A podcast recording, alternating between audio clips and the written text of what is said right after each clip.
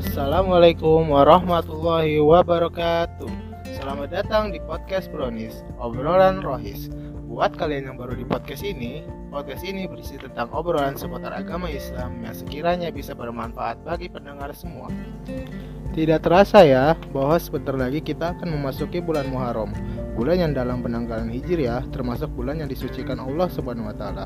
Pada bulan ini kita dianjurkan untuk berpuasa karena berpuasa pada bulan Muharram lebih utama daripada berpuasa di bulan yang lain selain bulan Ramadan. Sebagaimana terdapat dalam hadis yang sahih dari Nabi Shallallahu alaihi wasallam, puasa paling utama setelah puasa bulan Ramadan adalah puasa pada bulan Allah Al-Muharram.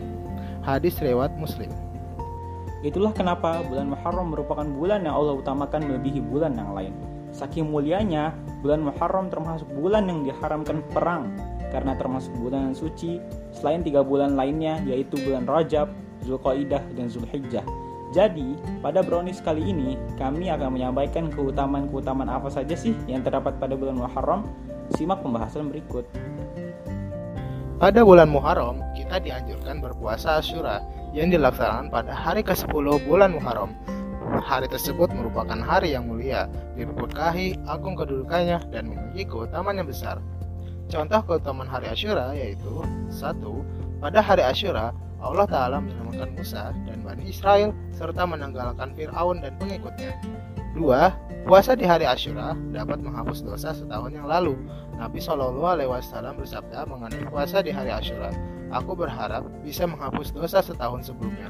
Hadis lewat Muslim. Jadi mengapa puasa di hari Asyura juga merupakan puasa yang sangat Nabi inginkan keutamanya dibandingkan hari yang lain. Dari Ibnu Abbas radhiyallahu anhu bahwa beliau ditanya tentang puasa di hari Asyura, maka beliau menjawab, Tidaklah aku melihat Rasulullah Shallallahu Alaihi Wasallam berpuasa pada suatu hari yang sangat beliau inginkan mendapat keutamannya dibandingkan hari yang lain kecuali hari ini yaitu hari Asyura dan bulan ini yaitu Ramadan. Jadi, itulah keutamaan-keutamaan pada bulan Muharram. Begitu banyak hal yang bisa kita dapat di bulan Muharram, terutama pada hari Ashura. Dari mulai pahala hingga hikmah yang bisa diambil pada bulan tersebut.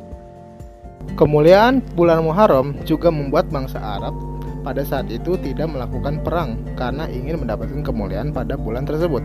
Semoga kita bisa memanfaatkan waktu sebaik mungkin. Amin ya robbal alamin. Baik, terima kasih yang sudah mendengarkan. Demikian yang dapat kami sampaikan pada episode ini. Semoga dapat bermanfaat bagi kita semua. Kurang lebihnya mohon dimaafkan. Yang benar datangnya dari Allah dan yang salah datangnya dari saya pribadi. Wabillahi taufiq wal hidayah. Wassalamualaikum warahmatullahi wabarakatuh.